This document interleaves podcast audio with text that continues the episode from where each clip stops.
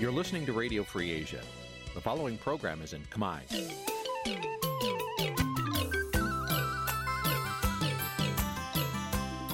Nǐ chi càm bi tiệp xáy vệt chiu a zì sê នេះជាកម្មវិធីផ្សាយរបស់ Vithu Azisari ជាភាសាខ្មែរ វិទ្យុអាស៊ីសេរីសូមស្វាគមន៍លោកអ្នកនាងទាំងអស់ពីរដ្ឋធានី Washington នៃសហរដ្ឋអាមេរិក ពីរដ្ឋធានី Washington នាងខ្ញុំសុជីវីសូមជម្រាបសួរលោកអ្នកនាងកញ្ញាអ្នកស្ដាប់ Vithu Azizi ស្រីទាំងអស់ជាទីមេត្រីយើងខ្ញុំសូមជូនកម្មវិធីផ្សាយសម្រាប់ព្រឹកថ្ងៃអង្គារ14កើតខែមិគសេឆ្នាំថោះបัญចស័កពុរសករាជ2567ចាប់ដែលត្រូវនៅថ្ងៃទី26ខែធ្នូគ្រិស្តសករាជ2023ជាដំបូងនេះសូមអញ្ជើញលោកអ្នកនាងស្ដាប់ព័ត៌មានប្រចាំថ្ងៃដែលមានមេតិការដូចតទៅ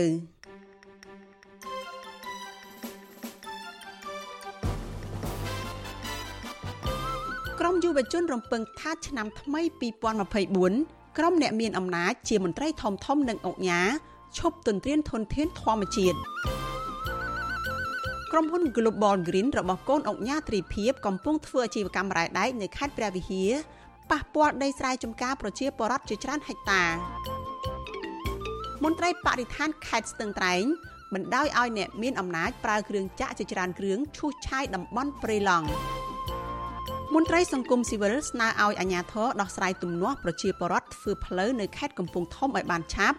រួមនឹងព័ត៌មានសំខាន់សំខាន់មួយចំនួនទៀតចាស់ជាបន្តទៅទៀតនេះនាងខ្ញុំសុជីវីសូមជូនព័ត៌មានទាំងនេះពិស្ដាលោកអ្នកនាងកញ្ញាជាទីមេត្រីពលរដ្ឋជាង100នាក់ក្នុងចំណោមពលរដ្ឋ247គ្រួសារ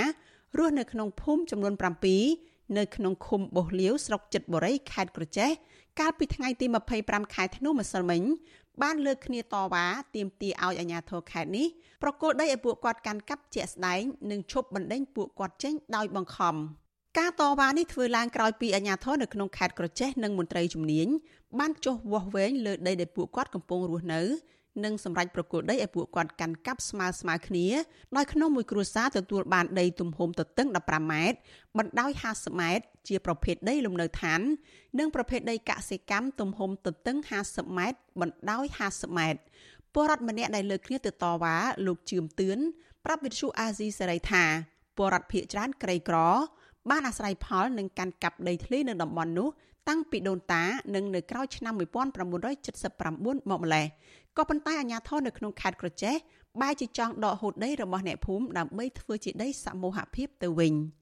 លោកថានៅក្នុងពេលតវ៉ាពុំឃើញមានអាជ្ញាធរមកដោះស្រាយទេហេតុនេះពួកលោកបានទៅដល់ការិយាល័យរបស់សមាគមអាត6នៅក្នុងខេត្តក្រចេះដើម្បីប្រឹក្សាផ្នែកច្បាប់ដីធ្លីហ្នឹងពួកខ្ញុំហ្នឹងបានធ្វើយូរហើយអញ្ចឹងណាយូរហើយទៅអត់មានដីធ្លីអីដែលកបង្កើនផលដើម្បីចិញ្ចឹមជីវិត ដីវាតិចអញ្ចឹងហើយបានតែពួកខ្ញុំហ្នឹងលើគ្នាទៅតវ៉ាដើម្បីសុំធ្វើអង្គបង្កើនផលបន្តអញ្ចឹងណាអត់មានអីរស់បានអញ្ចឹងជាពលរដ្ឋអត់ទុកចិត្តទេគាត់ចង់ទៅជួបអាជ្ញាធរនៅភ្នំពេញអញ្ចឹងវិទ្យុអាស៊ីសេរីមិនអាចតាក់ទងសុំការឆ្លើយបំភ្លឺរឿងនេះពីអភិបាលខេត្តក្រចេះលោកវ៉ាថតបាននៅឡើយទេ នៅថ្ងៃទី25ខែធ្នូក៏ប៉ុន្តែកាលពីចុងខែកញ្ញាអភិបាលខេត្តរូបនេះ បានជួលដំណឹងឲ្យពលរដ្ឋទាំងនោះត្រូវបញ្ឈប់ការកាន់កាប់ដាំដុះបន្ថែម និងរុះរើរបងពូជដំណាំនិងសម្ភារៈផ្សេងផ្សេងចេញពីទីតាំងដីទាំងនោះលោកវ៉ាថនប្រមានថាក្រមការងារខេត្តនឹងដាក់គ្រឿងចាក់ចូលសម្អាតប្រសិនបើពលរដ្ឋមិនសហការជាមួយនឹងអាជ្ញាធរខេត្តចុះអនុវត្តច្បាប់ជុំវិញរឿងនេះមន្ត្រីសម្របសម្រួលសមាគមអាត់ហុកខេត្តក្រចេះលោកយុនអៀមដែលចុះអង្កេតរឿងនេះយល់ឃើញថា អញ្ញាធរគួរតែប្រគល់ដីជូនពលរដ្ឋកាន់កាប់តាមស្ថានភាពជាក់ស្ដែងស្របតាមច្បាប់ភូមិបាលព្រោះពលរដ្ឋបានកាន់កាប់ដីនៅតំបន់នោះតាំងពីដូនតា និងខ្លះទៀតកាន់កាប់តាំងពីឆ្នាំ1979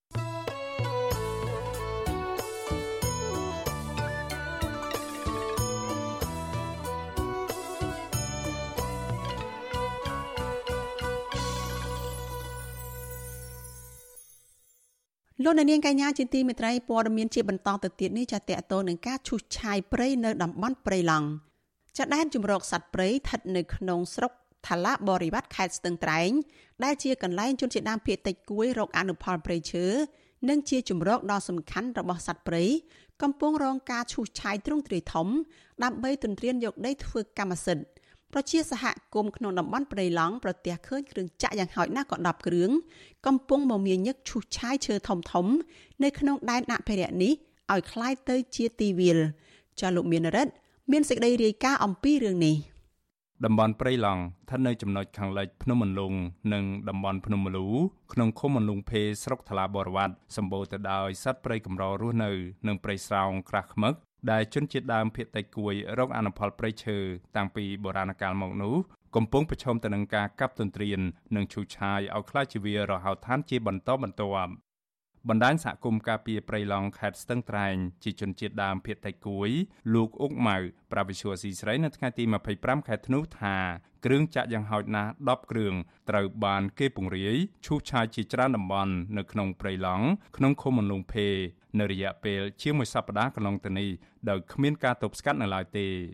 លោកថាដើមឈើធំធំភាគច្រើនជាប្រភេទឈើទាលដែលអ្នកស្រុកដុតយកជាប់ទឹកត្រូវបានគេលួចកាប់រំលំធ្វើអាជីវកម្មអស់ស្ទើរទាំងស្រុងហើយ ហើយមកទល់ពេលនេះក្រុមឈ្មួញបន្តសម្រុកឈូសឆាយព្រៃឲ្យខ្លាចជីវិលដើម្បីធ្វើចំការអស់ជាច្រើនហិកតាធម្មតាអត្រៈវារុញវារុកវាផ្អើលហើយសត្វព្រៃហ្នឹងតែយើងរាជការទៅមន្ត្រីបកឋានហ្នឹងគាត់សួរលំលេចកើតចឹងទៅអត្រៈឈ្មោះអីម្ចាស់ឈ្មោះអីពណ៌អីចឹងទៅបាទសួរគាត់សួរចប់រឿងហើយបានគាត់ថាគាត់ជាប់រវល់កាលពីមុនហ្នឹងអាចឈើធំធំដូចជាដើមជាទៀលដើមផ្ដៀកហ្នឹងគេអាចលក់មកផងហើយដល់ពេលឥឡូវពីមុនគេយកឈើដល់ពេលអស់អាឈើធំធំគេឈូសឆាយគេយកដីតែម្ដង កាលពីថ្ងៃទី24ខែធ្នូសកម្មជនការពារព្រៃឡង់4នាក់បានចុះល្បាតព្រៃឡង់ស្ថិតនៅចំណុចខាងលិចភ្នំមន្លងនិងចំណុចភ្នំមលូក្នុងឃុំមន្លងភេប្រទះឃើញគ្រឿងចាក់ប្រមាណ10គ្រឿងឈូសឆាយដើមឈើធំឲ្យដួលរលំរួចដុតកំទេចចោលរីឯគ្រឿងចាក់3គ្រឿងទៀតស្ថិតនៅចំណុចភូមិមន្លងភេ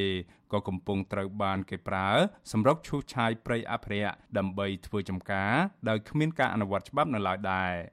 ពជាសហគមន៍ព្រៃឡង់មិនទាន់កំណត់អត្តសញ្ញាណអ្នកឈូសឆាយព្រៃអភិរក្សទាំងនេះបាននៅឡើយទេក៏ប៉ុន្តែអ្នកបើកគ្រឿងចាក់ដែលកំពុងឈូសឆាយបានប្រាប់ប្រជាសហគមន៍ព្រៃឡង់ថាពួកគេត្រូវបង់លុយឲ្យមន្ត្រីបរិស្ថានចំនួន100ដុល្លារក្នុងមួយគ្រឿងចាក់ក្នុងរយៈពេល1ខែទើបអាចឈូសឆាយតំបន់អភិរក្សនេះបានវិសុវស៊ីស្រីមិនអាចតាក់ទងសុំការបំភ្លឺរឿងនេះពីប្រធានមន្ទីរបរិស្ថានខេត្តស្ទឹងត្រែងលោកស្រែងជាហេងបាននៅឡើយទេនៅថ្ងៃទី25ខែធ្នូ ចំណែកអ្នកនាំពាក្យសាលាខេត្តស្ទឹងត្រែងលោកម៉ែនគង់ប្រាប់វិសុវស៊ីស្រីថាលោកនឹងរាយការណ៍បញ្ហានេះទៅថ្នាក់ដឹកនាំខេត្តដើម្បីពិនិត្យនិងចាត់វិធានការហើយបើរកឃើញថាមានករណីនេះមែនអាជ្ញាធរនឹងចាត់វិធានការតាមផ្លូវច្បាប់គណៈបញ្ជាការឯកភាពរដ្ឋបាលខេត្តដែលមានគោលការណ៍រួចហើយត្រូវអនុវត្តទៅតាមវិធានការបើសិនជារកឃើញថាពិតជាមានករណីនៃការធ្វើឲ្យប៉ះពាល់តំបន់ធនធានធម្មជាតិនៅក្នុងតំបន់បៃឡង់នោះមែន ជុំវិញរឿងនេះមន្ត្រីសម្របសម្រួលគម្រោងនៃសមាគមបណ្ដាញយុវជនកម្ពុជាលោកអូតឡាទីនចាត់ទុកទង្វើនេះថាជាការធ្វើប្រហែសមិនយកចិត្តទុកដាក់អនុវត្តច្បាប់ពីសំណាក់មន្ត្រីបរិស្ថាន និងអាជ្ញាធរខេត្តស្ទឹងត្រែងដែលលោកថានាំឲ្យតំបន់ព្រៃឡង់កាន់តែហិនហោចជាបន្តបន្ទាប់ លោកយល់ថាអាញាធរគួរតែដោះស្រាយសកម្មភាពទន្ទ្រានព្រៃឡង់ពីដំបូងឡើយជៀសវាងបញ្ហារីកសាយធំ ដែលពិបាកដោះស្រាយតាមក្រោយរដ្ឋមន្ត្រីក្រសួងបរិស្ថានថ្មីនេះបើសិនជាចង់ធ្វើកំណែតម្រង់ទៅលើការគ្រប់គ្រងតំបន់ការពារធម្មជាតិពិតប្រាកដមែនត្រូវតែចោះដោះស្រាយបញ្ហាដែលអូសបន្លាយនៅសល់ពីរដ្ឋមន្ត្រីចាស់ដែលគាត់ចំនួនគាត់នឹងក៏បញ្ហាការកាប់រៀនទានកាន់កាប់ដែលអូសបន្លាយនៅសល់ដល់បច្ចុប្បន្នដែរអញ្ចឹងបើសិនជានៅតែបដិបដោយនៅតែពជាពេលវេលាបែបនេះអ្នកដែលចូលទៅទៅកាប់នឹងគឺគាត់អត់ខ្លាចរអាហើយគាត់នៅតែបន្តការកាប់រៀនកាលពីថ្ងៃទី21ខែធ្នូរដ្ឋមន្ត្រីក្រសួងបរិស្ថានលោកអៀងសុផាឡែតបានថ្លែងក្នុងពិធីសន្និបាតមួយថាក្រសួងបរិស្ថានបានដាក់ចេញវិធានការម៉ឺងម៉ាត់បំផុតក្នុងការទប់ស្កាត់បទល្មើសធនធានធម្មជាតិឲ្យបាន100% លោកអូឡាទីនរំពឹងថាវិធានការនេះមិនមែនដាក់ចេញតែនៅលើក្រដាស់នោះទេត្រូវអនុវត្តច្បាប់ឲ្យបានពេញលេញដែលអាចទទួលយកបានលោកសង្កេតឃើញថាបលល្មើសព្រៃឈើនៅក្នុងតំបន់ព្រៃឡង់មាន3ប្រភេទគឺការកាប់ឈើមានតម្លៃធ្វើអាជីវកម្មការដាក់អន្ទាក់ចាប់សត្វព្រៃនិងការទន្ទ្រានដីព្រៃធ្វើជាកម្មសិទ្ធិដែលកំពុងតែកើតមានឡើងច្រើនដោយសារតែរដ្ឋាភិបាលអាណត្តិមុនអនុវត្តច្បាប់ធូររលុង ខ្ញុំបានមេរិត Visual C ស្រីពីរដ្ឋធានី Washington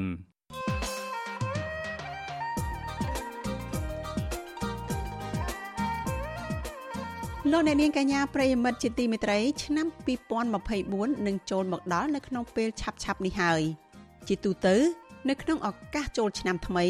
យើងតែងតែជូនពរគ្នាឲ្យរកស៊ីមានបានសម្បូរសប្បាយជាពិសេសមានសុខភាពល្អ ក៏ប៉ុន្តែតើយើងគួរធ្វើបែបណាដើម្បីឲ្យមានសុខភាពល្អទាំងផ្លូវកាយនិងផ្លូវចិត្តចនិតិវេទិកាអ្នកស្ដាប់វិទ្យុអាស៊ីសេរីនៅយប់ថ្ងៃអង្គារនេះដែលជាយប់ថ្ងៃអង្គារចុងក្រោយនៅក្នុងឆ្នាំ2023នឹងមានកិច្ចពិភាក្សាជាមួយនឹងឱសថការីលឹមសួរអំពីវិធានការខ្លះៗដែលលោកអ្នកនាងអាចអនុវត្តបានដូចជាការផ្លាស់ប្ដូរទម្លាប់ក្នុងការរស់នៅមួយចំនួនដែលរួមមានទម្លាប់ក្នុងការបរិភោគចំណីអាហារ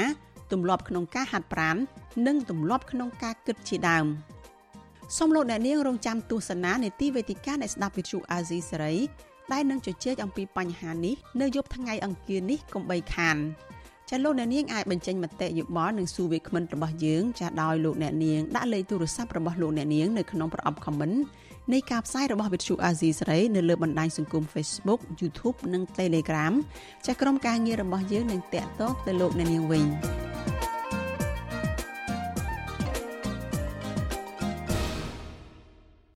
ចាលោកនាងជាទីមេត្រីចាព័ត៌មានតកតនឹងការធ្វើអាជីវកម្មរ៉ែដែកនៅឯខេត្តព្រះវិហារវិញម្ដងចាក្រុមហ៊ុន Global Green របស់កូនអុកញ៉ាទ្រីភិបគឺទ្រីដាលុច ដែលរកស៊ីដឹកជញ្ជូនរ៉ែយកទៅលក់នៅប្រទេសវៀតណាមកំពុងធ្វើអាជីវកម្មរ៉ែដែកនៅក្នុងខេត្តព្រះវិហារហើយអាជីវកម្មនេះធ្វើឲ្យប៉ះពាល់ទៅដល់ដីស្រែចម្ការរបស់ពលរដ្ឋជាច្រើនហិកតាមន្ត្រីសង្គមស៊ីវិលយល់ឃើញថារដ្ឋាភិបាលគួរតែពិគ្រោះយោបល់ជាមួយនឹងប្រជាពលរដ្ឋជាមុនសិនដើម្បីរកដំណោះស្រាយសមរម្យដល់ពលរដ្ឋដែលរស់នៅជុំវិញតំបន់នោះចាលោកជីវតារាយការណ៍អំពីរឿងនេះ ក្រុមហ៊ុន Global Green Cambodia Energy Development ជារបស់លោកត្រីដាលុចត្រូវជាកូនប្រុសរបស់អ្នកអុកញ៉ាត្រីភិបដែលជាទីប្រឹក្សារបស់ប្រធានគណៈបកប្រជាជនកម្ពុជា កំពុងសម្ងំធ្វើអាជីវកម្មរ៉ែដែកចំនួន3កន្លែងផ្សេងគ្នា នៅក្នុងស្រុករវៀងនិងស្រុកជ័យសែនខេត្តព្រះវិហារពលរដ្ឋរស់នៅឃុំធ្មៀស្រុកជ័យសែនខេត្តព្រះវិហារលោកសាំងចនប្រាវិទ្យូអាស៊ីសេរីនៅថ្ងៃទី25ធ្នូថា ពលរដ្ឋនៅឃុំធ្មៀប្រមាណជាង100គ្រួសារកំពុងរងផលប៉ះពាល់ពីការធ្វើអាជីវកម្មរ៉ែដែករបស់ក្រុមហ៊ុនមួយនេះដោយពលរដ្ឋខ្លះមិនទាន់ទទួលបានសំណងសមរម្យនោះទេខណៈក្រុមហ៊ុនមួយនេះបានឈូសឆាយដំណាំរបស់ពួកគាត់ជាច្រើនហិកតាលោកបន្ថែមថាពួកគាត់មិនហ៊ានចេញតវ៉ានោះទេដោយសារមានការគំរាមកំហែងពីអាជ្ញាធរពាក់ព័ន្ធនៅតំបន់នោះលោកអះអាងថាមន្ត្រីបរិស្ថានដែលឈរជើងការពារតំបន់ព្រៃឡង់ គឺជាអ្នកបញ្ចុះបញ្ចូលឲ្យពលរដ្ឋនៅតំបន់នោះព្រមលក់ដីស្រែចម្ការឲ្យទៅក្រុមហ៊ុនដោយក្នុង1ហិកតាតម្លៃ3លានរៀល សំថាអាញាធរហ្នឹងគឺសម្រួលធ្វើម៉េចបើសិនតាក់តងរឿងការសំណងក៏សំណងឲ្យគាត់បានសមរម្យផងបាទសំខាន់បំផុតគឺនៅផ្នែកក្នុងបើសិនថាអាចបញ្ឈប់បានទេគឺសូមឲ្យក្រុមហ៊ុននេះបញ្ឈប់ជាបន្តទៅនឹងឯងដើម្បីកុំឲ្យមានការប៉ះពាល់ដល់បងប្អូនប្រជាពលរដ្ឋព្រោះអីក្នុងភូមិថ្មឃុំថ្មហ្នឹងគឺអាស្រ័យផលនៅកន្លែងហ្នឹងឯងអាហ្នឹងជាពលរដ្ឋម្នាក់ទៀតដែលត្រូវបានក្រុមហ៊ុនឈូសឆាយចំការដំឡូងនឹងចន្ទទីលោកផាន់ភ័ក្រឲ្យដឹងថា រហូតមកដល់ពេលនេះអាជ្ញាធរពាក់ព័ន្ធមិនទាន់មានដំណោះស្រាយសមរម្យដល់រូបលោកនៅឡើយទេ ស្របពេលដែលក្រុមហ៊ុនបានឈូសឆាយដីចំការដំឡូងនិងចន្ទទីរបស់លោកអស់ជាង2ហិកតាហើយបើយុទ្ធធរមានអាជ្ញាធរឬក៏ភូមិឃុំឬក៏ដូចជាក្រុមការងារនិងក្រុមហ៊ុននោះគាត់បានទៅសួរនាំខ្ញុំគាត់ទៅឈូគាត់ទៅនិយាយមិនបានអីគាត់សួររកឈ្មោះខ្ញុំដែរថាអឺគាត់នៅកន្លែងណាហើយម្ចាស់ចំការអីចឹងណាខ្ញុំរងចាំ រហូតមកដល់ពេលនេះក៏មិនលឺណាណាមកនិយាយអីសោះតែខ្ញុំនៅតលងខ្ញុំក៏មិនទាន់បានទៅកោះទេពីព្រោះថាវាដើមលេខខ្ចីពេកជុំវិញរឿងនេះមេឃុំថ្មៀលោកយ៉ែមគឹមធ្លាប់អះអាងប្រាប់វិទ្យុអាស៊ីសេរីពេលថ្មីថ្មីនេះថាក្រុមហ៊ុននេះមិនបានបង្កផលប៉ះពាល់ដល់ដីស្រែចម្ការរបស់ពលរដ្ឋឡើយលោកក៏បញ្ជាក់ដែរថាអញ្ញាធរឃុំទើបទទួលបានឯកសាររុករករ៉ែតែប៉ុណ្ណោះចំណែកឯកសារអាជីវកម្ម អាជ្ញាធរឃុំមិនទាន់ទទួលបាននោះទេបច្ចុប្បន្នក្រុមហ៊ុន Global Green កំពុងធ្វើអាជីវកម្មចំនួន3កន្លែងផ្សេងគ្នា ក្នុងនោះមាននៅតំបន់កោះកេរនិងភ្នំថ្ម ស្ថិតនៅឃុំរីករាយនិងឃុំរបៀបនៃស្រុករវៀងនិងមួយកន្លែងទៀតនៅឃុំថ្មៀស្រុកជ័យសែនខេត្តព្រះវិហារដែលប៉ះពាល់ដីស្រែចម្ការរបស់ពលរដ្ឋកំពុងអាស្រ័យផល វិទ្យុអាស៊ីសេរីមិនទាន់អាចតាក់ទងแนะនាំពាក្យក្រសួងរាយនឹងធម្មពលលោកអឹងឌីប៉ូឡាបានទេនៅថ្ងៃទី25ធ្នូចំណែកអភិបាលខេត្តព្រះវិហារលោកកឹមរិទ្ធី និងប្រធានមន្ត្រីរាយនឹងធម្មពលលោកស៊ុនច័ន្ទរក្សាក៏អាស៊ីសេរីមិនទាន់អាចតាក់ទងបានដែរកាលពីខែសីហាកន្លងទៅក្រុមហ៊ុន Global Green Cambodia បានស្នើទៅក្រសួងរាយនឹងធម្មពល ដើម្បីរករករ៉ែដែកលើផ្ទៃដីជាង10000ហិកតានៅស្រុកថ្លាបរិវត្តខេត្តស្ទឹងត្រែងដែលមានព្រំប្រទល់ជាប់ស្រុកឆែបនិងស្រុកជ័យសែនខេត្តព្រះវិហារជាប់តំបន់ការពារព្រៃឡង់ប៉ុន្តែរហូតមកដល់ពេលនេះគេនៅមិនទាន់ឃើញក្រសួងសម័យផ្សព្វផ្សាយជាសាធារណៈនៅការអនុញ្ញាតឲ្យក្រុមហ៊ុនមួយនេះធ្វើអាជីវកម្មនៅឡើយទេនាយករងទទួលបន្ទុកកិច្ចការទូតនៃអង្គការការពារសិទ្ធិមនុស្សលីកាដូលោកអំសំអាតយល់ឃើញថា រដ្ឋាភិបាលគួរតែពិគ្រោះយោបល់ជាមួយប្រជាពលរដ្ឋនៅជុំវិញតំបន់នោះជាមុនសិនដើម្បីរកដំណោះស្រាយសមរម្យមួយដែលពួកគាត់អាចទទួលយកបានលោកបញ្ជាក់ថា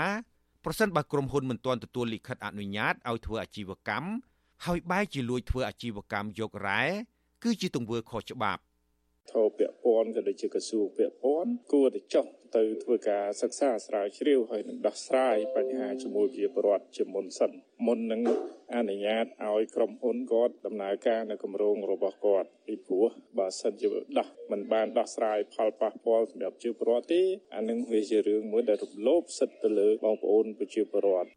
អុកញ៉ាត្រីដលុចគឺជាអ្នកគ្រប់គ្រងក្រុមហ៊ុន Global Green Cambodia Energy Development និងជាអគ្គនាយករងក្រុមហ៊ុនត្រីភិប Group លោកត្រីដលុចត្រូវបានអតីតនាយករដ្ឋមន្ត្រី លោកហ៊ុនសែនទូលថ្វាយទៅព្រះមហាក្សត្រឲ្យផ្ដល់គោរមងារអុកញ៉ានៅថ្ងៃទី19ខែមីនា ឆ្នាំ2013ក្រៅពីទទួលបានគោរមងារអុកញ៉ាហើយលោកត្រីដលុចក៏ជាអនុប្រធានយុវជនស្រុកកណ្ដាលស្ទឹងនិងជាអនុប្រធានក្រុមការងារថ្នាក់ជាតិចុះជួយឃុំត្បែងស្រុកកណ្ដាលស្ទឹងខេត្តកណ្ដាលនៃគណៈបកប្រជាជនកម្ពុជា លោកត្រីដលុចអាយុ29ឆ្នាំដែលត្រូវជាកូនប្រុសរបស់អ្នកអុកញ៉ាត្រីភិបបច្ចុប្បន្នកំពុងឈរឈ្មោះជាបេក្ខជនតំណាងរាស្ត្របំរុងលេខរៀងទី9ក្នុងចំណោមបេក្ខជនបំរុង11នាក់នៃគណៈបកប្រជាជនកម្ពុជាមណ្ឌលខេត្តកណ្ដាលខ្ញុំជីវិតាអាស៊ីសេរីលោកអ្នកនាងកញ្ញាអ្នកស្ដាប់វិទ្យុអាស៊ីសេរីទាំងអស់ជាទីមេត្រីព័ត៌មានពីខេត្តកំពង់ធំឯណោះឲ្យដឹងថាមន្ត្រីអង្គការសង្គមស៊ីវិលលើកឡើងថាអាញាធរ គួរដោះស្រាយទំនាស់រវាងម្ចាស់ដីដែលនៅអបសងខាងផ្លូវចូលភូមិដូនឈូកខេត្តកំពង់ធំ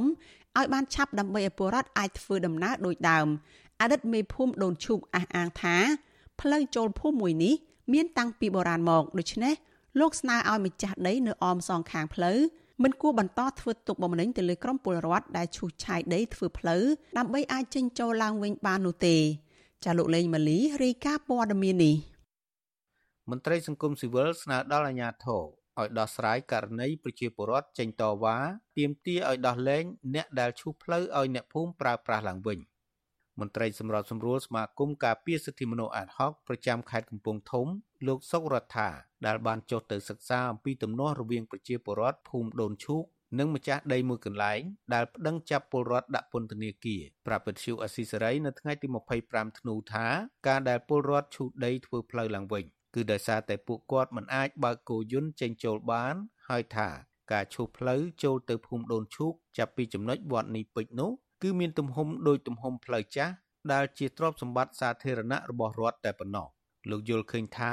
ការដែលអាជ្ញាធរណែនាំប្រជាពលរដ្ឋឲ្យអង្វរកភៀកគីម្ចាស់ដីនៅអមសងខាងផ្លូវដើម្បីធ្វើផ្លូវឲ្យបានដូចដើមវិញនោះមិនមែនជារឿងត្រឹមត្រូវឡើយព្រោះការតវ៉ារបស់ប្រជាពលរដ្ឋគឺគ្រាន់តែដើម្បីបានផ្លូវប្រើប្រាស់ដូចដើមវិញប៉ុណ្ណោះប្រជាពលរដ្ឋគាត់តវ៉ាមិនតាក់ទងនឹងកម្មសិទ្ធិរបស់គាត់ទេគឺតាក់ទងទៅនឹងផ្លូវសាធារណៈរឿងនេះអាជ្ញាធរគួរតែបើកចិត្តឲ្យទូលាយហើយរៀបចំផ្លូវនឹងឲ្យដំណើរការឡើងវិញដើម្បីឲ្យពលរដ្ឋគាត់បានប្រើប្រាស់ណា ប្រជាពលរដ្ឋភូមិដូនឈូកភូមិនីពេជ្រក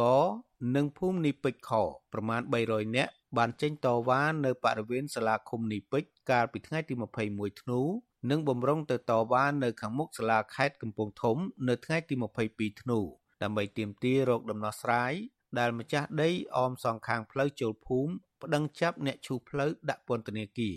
ប៉ុន្តែដោយសារសមត្ថកិច្ចរារាំង ក្រមប្រជាពលរដ្ឋក៏បានរងចាំដំណោះស្រាយពីមន្ត្រីស្រុកកំពង់ស្វាយនៅចំណុចសាលាឃុំនីពេជ្រនោះក្រោយពីរងចាំអស់រយៈពេលប្រមាណ4ម៉ោងអភិបាលរងស្រុកកំពង់ស្វាយលោកឡាងសរោបានចេញមុខសន្យាថានឹងជួយដោះស្រាយឲ្យបានផ្លូវប្រើដូចដើមវិញនិងជួយធ្វើអន្តរាគមន៍ផ្នែកច្បាប់ទៅតុលាការខេត្តកំពង់ធំឲ្យលើកលែងបទចោទប្រកាន់លើពលរដ្ឋដែលបានឈូសដីធ្វើផ្លូវទោះជាយ៉ាងណាក្តីប្រពន្ធលោកលូតឡាញ់ ដែលកំពុងជាប់ពន្ធនាគារដោយសារតែឈូសផ្លូវឲ្យប្រជាពលរដ្ឋបានធ្វើដំណើរដូចដើមឡើងវិញនោះគឺលោកស្រីឆែមសុខឿនប្រាប់វិទ្យុអស៊ីសេរីនៅថ្ងៃទី25ធ្នូថាអភិបាលរងស្រុកលោកឡាងសារ៉ូមិនទាន់អាចដោះស្រាយបញ្ហាដោយការសន្យាចំពោះមុខប្រជាពលរដ្ឋដែលចេញតវ៉ាកាលពីថ្ងៃទី22ធ្នូនោះឡើយផ្ទុយទៅវិញអភិបាលរងរូបនេះបែរជាស្នើប្រជាពលរដ្ឋកុំឲ្យបន្តចេញតវ៉ាទៅវិញ គាត់ថារឿងហ្នឹងដើម្បីឲ្យម្ចាស់គេទុនចិត្តមានទៅទៅវគេហ្នឹងទៅនិយាយវគេទៅថាកុំឲ្យគេទុនចិត្តទៅគេលោកគេដោះលែងដល់អីបើគាត់វិញវគេនិយាយមួយគេឡើង2ថ្ងៃតែគេអត់តន់ព្រមគាត់និយាយចឹងឯងហើយមួយទៀតគាត់និយាយថាចេះទៀតបងខាងអភិបាលស្រុកហ្នឹងគាត់ថាកុំឲ្យនាំគ្នាឡើងទៅតវ៉ាតអីទៀតប្រយ័ត្នគេចាប់គេអីចឹងគាត់និយាយចឹង វិទ្យុអស៊ីសេរីមិនអាចសុំការបកស្រាយជុំវិញរឿងនេះបន្ថែមពីអភិបាលរងស្រុកកំពង់ស្វាយគឺលោកឡាងសារ៉ូបានឡើយនៅថ្ងៃទី25ធ្នូដោយសារលោកប្រាប់ថាកំពុងជាប់រវល់ប្រជុំទាក់ទងរឿងនេះ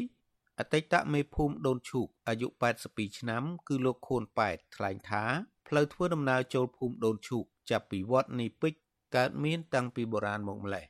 លោកបន្តថា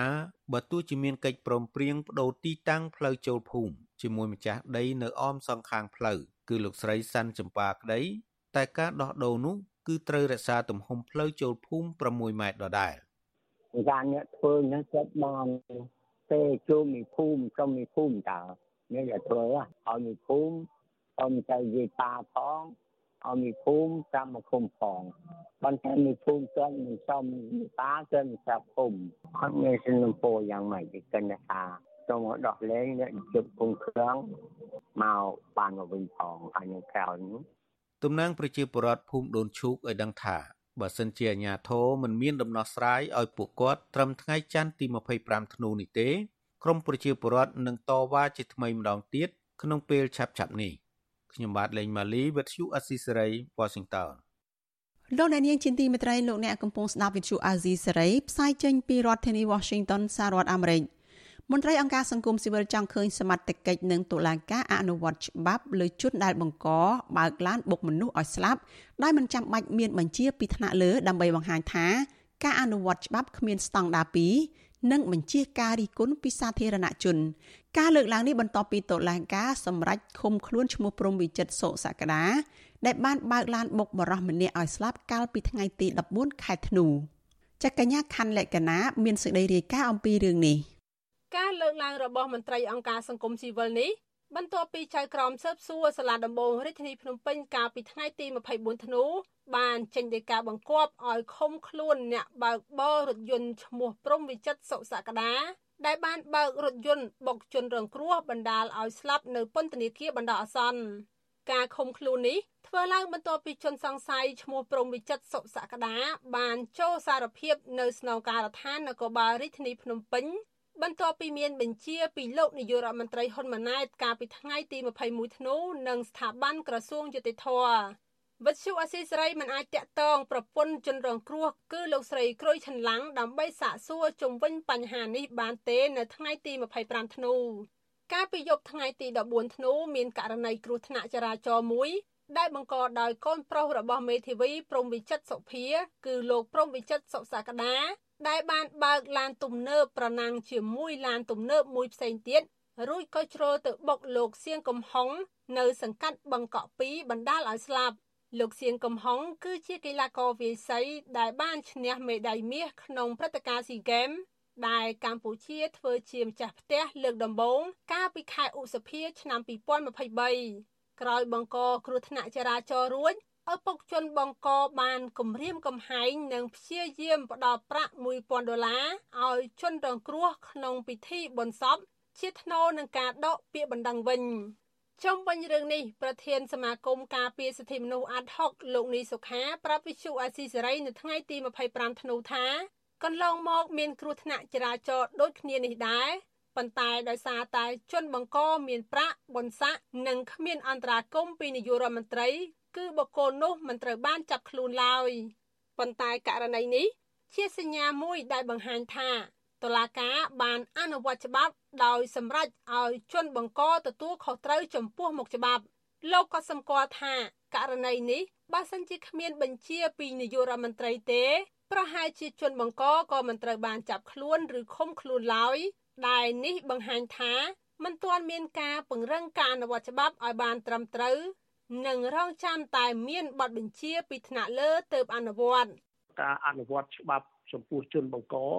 មានកម្រិតប៉ុណ្ណាតើវាស្របទៅនឹងនីតិវិធីច្បាប់ដែរឬក៏អត់ឬក៏គ្រាន់តែជាការអនុវត្តមួយដែលម្ដងម្កាលឬក៏គេហៅថាវាមិនជាអចិន្ត្រៃយ៍ឬក៏គ្រាន់តែជាការអនុវត្តមួយដើម្បីតែបន្ធូរបន្ថយឬក៏បង្ហាញសាធារណជនដោយសារតែវាមានមតិរិះគន់ច្រើនហើយចាប់ហើយឃុំខ្លួនមិនតាន់បានប្រមាណអាច ដោះលែងទៅវិញទៅអានឹងជារឿងមួយដែលយើងកំពុងតែរងចាំមើលថាតើតឡាការពិតជាបានអនុវត្តច្បាប់ត្រឹមត្រូវដោយគេហៅថាសមភាពចំពោះមុខច្បាប់ដោយប្រជាពលរដ្ឋដទៃទៀតដែរឬក៏អត់លោកនីសុខាថាបើសិនជាមានការអនុវត្តច្បាប់ត្រឹមត្រូវគឺមិនចាំបាច់មានបញ្ជាពីថ្នាក់លើទេ ពីព្រោះស្ថាប័ននីមួយៗមានយថាធិការទទួលខុសត្រូវទូនីតិឬភារកិច្ចរបស់ខ្លួន ក្នុងការចាត់វិធានការចំពោះបទល្មើសព្រហ្មទណ្ឌប្រធានអង្គការសម្ព័ន្ធភាពការពារសិទ្ធិមនុស្សកម្ពុជាហៅកាត់ថាច្រាក់លោករស់សុថាយល់ថាបើការអនុវត្តច្បាប់នៅតែមានស្តង់ដារ2ដោយកូនអ្នកមានប្រាក់និងមានអំណាចបង្កគ្រោះថ្នាក់ចរាចរណ៍ហើយរួចខ្លួននោះនឹងបង្កើតឲ្យមានភាពទំនើងក្នុងសង្គមធ្វើឲ្យមនុស្សមួយចំនួនក្នុងត្រកូលអ្នកមានលុយមានអំណាចគ្មានការប្រុងប្រយ័ត្ន ហើយប្រជាពលរដ្ឋស្លូតត្រង់ចេះតែបន្តរងគ្រោះនិងមិនទទួលបានយុត្តិធម៌លោកចាត់ទុកការឃុំខ្លួននេះថាជារឿងត្រឹមត្រូវដើម្បីពង្រឹងការអនុវត្តច្បាប់នៅកម្ពុជាដោយគ្មានស្តង់ដារ2ខណៈប្រសិនបើនាយករដ្ឋមន្ត្រីមិនអន្តរាគមទេ អ្នកបង្កគ្រោះថ្នាក់ចរាចរណ៍ក៏មិនត្រូវបានចាប់ខ្លួនដែរព្រោះបញ្ហានេះវាកើតឡើងដដែលដដែលច្រើនដងហើយដែលជារឿងអយុត្តិធម៌ ពាក់ព័ន្ធនឹងសិទ្ធិណាពាក់ព័ន្ធនឹងមនុស្សធម៌ភាពជាមនុស្សនឹងតែវាគ្មានសេចក្តីមេត្តាគ្មានអនុត្តសោដល់ជីវិតគេជីវិតឯងណាជីវិតគេយើងគិតតែការពារសុបាយខ្លួនឯងយើងភ្លេចជីវិតអ្នកដតីហើយយើងត្រូវគិតថាអ្នកដតីក៏គេស្រឡាញ់ជីវិតគេស្រឡាញ់សាច់ញាតិរបស់គេផងដែរបាទយើងស្រឡាញ់ជីវិតយើងប៉ុណ្ណាឬក៏កូនចៅសាច់ញាតិយើងប៉ុណ្ណាគេក៏ស្រឡាញ់ប៉ុណ្ណឹងដូចគ្នា ហេតុអ្វីបានជាមនុស្សមិនគិតឃើញបញ្យលក្នុងនាមជាមនុស្សដែលមានបញ្ញាដែរនោះតាក់ទងរឿងនេះអគ្គស្នងការរងនិងជាស្នងការនគរបាលរាជធានីភ្នំពេញលោកជួននរិននៅថ្ងៃទី25ធ្នូបានបញ្ជាសមត្ថកិច្ចឲ្យស្រាវជ្រាវស្វែងរកចាប់ខ្លួន អ្នកបើករថយន្តស៊េរីទំនើប Mark Hammer ដែលបានបើកបរក្នុងលបឿនលឿននិងជ្រុលទៅបុកអ្នកជិះម៉ូតូបណ្ដាលឲ្យស្ត្រីម្នាក់និងកុមារតូចម្នាក់ស្លាប់ ហើយបរោះដែលជាអ្នកបើកម៉ូតូរងរបួសធ្ងន់កាលពីយប់ថ្ងៃទី24ឈានចូលថ្ងៃទី25ធ្នូវិធានការអគ្គស្នងការរងនឹងជាស្នងការនគរបាលរាជធានីភ្នំពេញនេះធ្វើឡើងបន្ទាប់ពីមានការដាក់បទបញ្ជាពីលោកនាយករដ្ឋមន្ត្រីហ៊ុនម៉ាណែតនិងស្ថាប័នក្រសួងយុតិធធក្រោយពីមានការរិះគន់ពីប្រជាពលរដ្ឋរឿងអយុត្តិធម៌ក្នុងសង្គមខ្ញុំខណ្ឌលក្ខណាវັດឈូអាស៊ីសេរី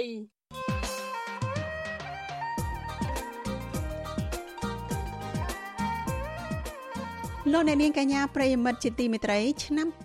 2024នឹងចូលមកដល់នៅក្នុងពេលឆាប់ឆាប់នេះហើយជាទូទៅ នៅក្នុងឱកាសចូលឆ្នាំថ្មី យើងតែងតែជូនពរគ្នាឲ្យរកស៊ីមានបានសម្បូរសប្បាយជាពិសេសមានសុខភាពល្អក៏ប៉ុន្តែតើយើងគួរធ្វើបែបណាដើម្បីឲ្យមានសុខភាពល្អទាំងផ្លូវកាយនិងផ្លូវចិត្តចានីតិវេទិកាអ្នកស្ដាប់វិទ្យុអាស៊ីសេរីនៅយប់ថ្ងៃអង្គារនេះដែលជាយប់ថ្ងៃអង្គារចុងក្រោយនៅក្នុងឆ្នាំ2023 នឹងមានកិច្ចពិភាក្សាជាមួយនឹងឱសថការីលឹមសួរអំពីវិធានការខ្លះៗដែលលោកអ្នកនាងអាចអនុវត្តបានដូចជាការផ្លាស់ប្ដូរទម្លាប់ក្នុងការរស់នៅមួយចំនួនដែលរួមមានទម្លាប់ក្នុងការបរិភោគចំណីអាហារទម្លាប់ក្នុងការហាត់ប្រាណនិងទម្លាប់ក្នុងការគិតជាដើមសូមលោកអ្នកនាងរងចាំទស្សនានេតិវេទិកានៃស្ដាប់វិទ្យុអាស៊ីសេរីដែលនឹងជជែកអំពីបញ្ហានេះនៅយប់ថ្ងៃអង្គារនេះកុំបីខាន ចាលោកអ្នកនាងអាចបញ្ចេញមតិយោបល់និងសួរវាគ្មិនរបស់យើងចាដោយលោកអ្នកនាងដាក់លេខទូរស័ព្ទរបស់លោកអ្នកនាងនៅក្នុងប្រអប់ comment នៃការផ្សាយរបស់វិទ្យុអាស៊ីសេរីនៅលើបណ្ដាញសង្គម Facebook YouTube និង Telegram ចាក្រុមការងាររបស់យើងនឹងតាក់ទងទៅលោកអ្នកនាងវិញ។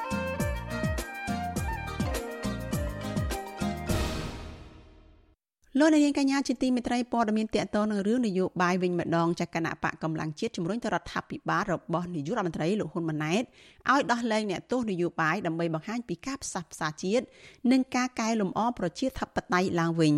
មន្ត្រីសិទ្ធិមនុស្សយល់ថារដ្ឋាភិបាលគួរយកសំណើរបស់បកក្រៅរដ្ឋាភិបាលជាពិសេសគឺសំណើរបស់ក្រមគ្រួសារអ្នកជាប់ឃុំ ទៅពិនិត្យនិងជួយអន្តរាគមន៍ដោះលែងពួកគេឲ្យមានសេរីភាពដើម្បីបន្ធូរបន្ថយសម្ពាធនានាពីសហគមន៍អន្តរជាតិលោកច័ន្ទដារ៉ូរាយការណ៍អំពីរឿងនេះគណៈបកកម្លាំងជាតិបានដាក់លិខិតមួយច្បាប់ស្នើដល់រដ្ឋាភិបាលដោះលែងអ្នកដែលកំពុងជាប់ឃុំនយោបាយអ្នកការពារសិទ្ធិមនុស្សមេដឹកនាំសហជីពមានដូចជាលោកកឹមសុខា លោកថាច់សិដ្ឋាកញ្ញាសេងធីរីកញ្ញាឈឹមស៊ីធើរួមទាំងអ្នកទោសមនសិការផ្សេងទៀត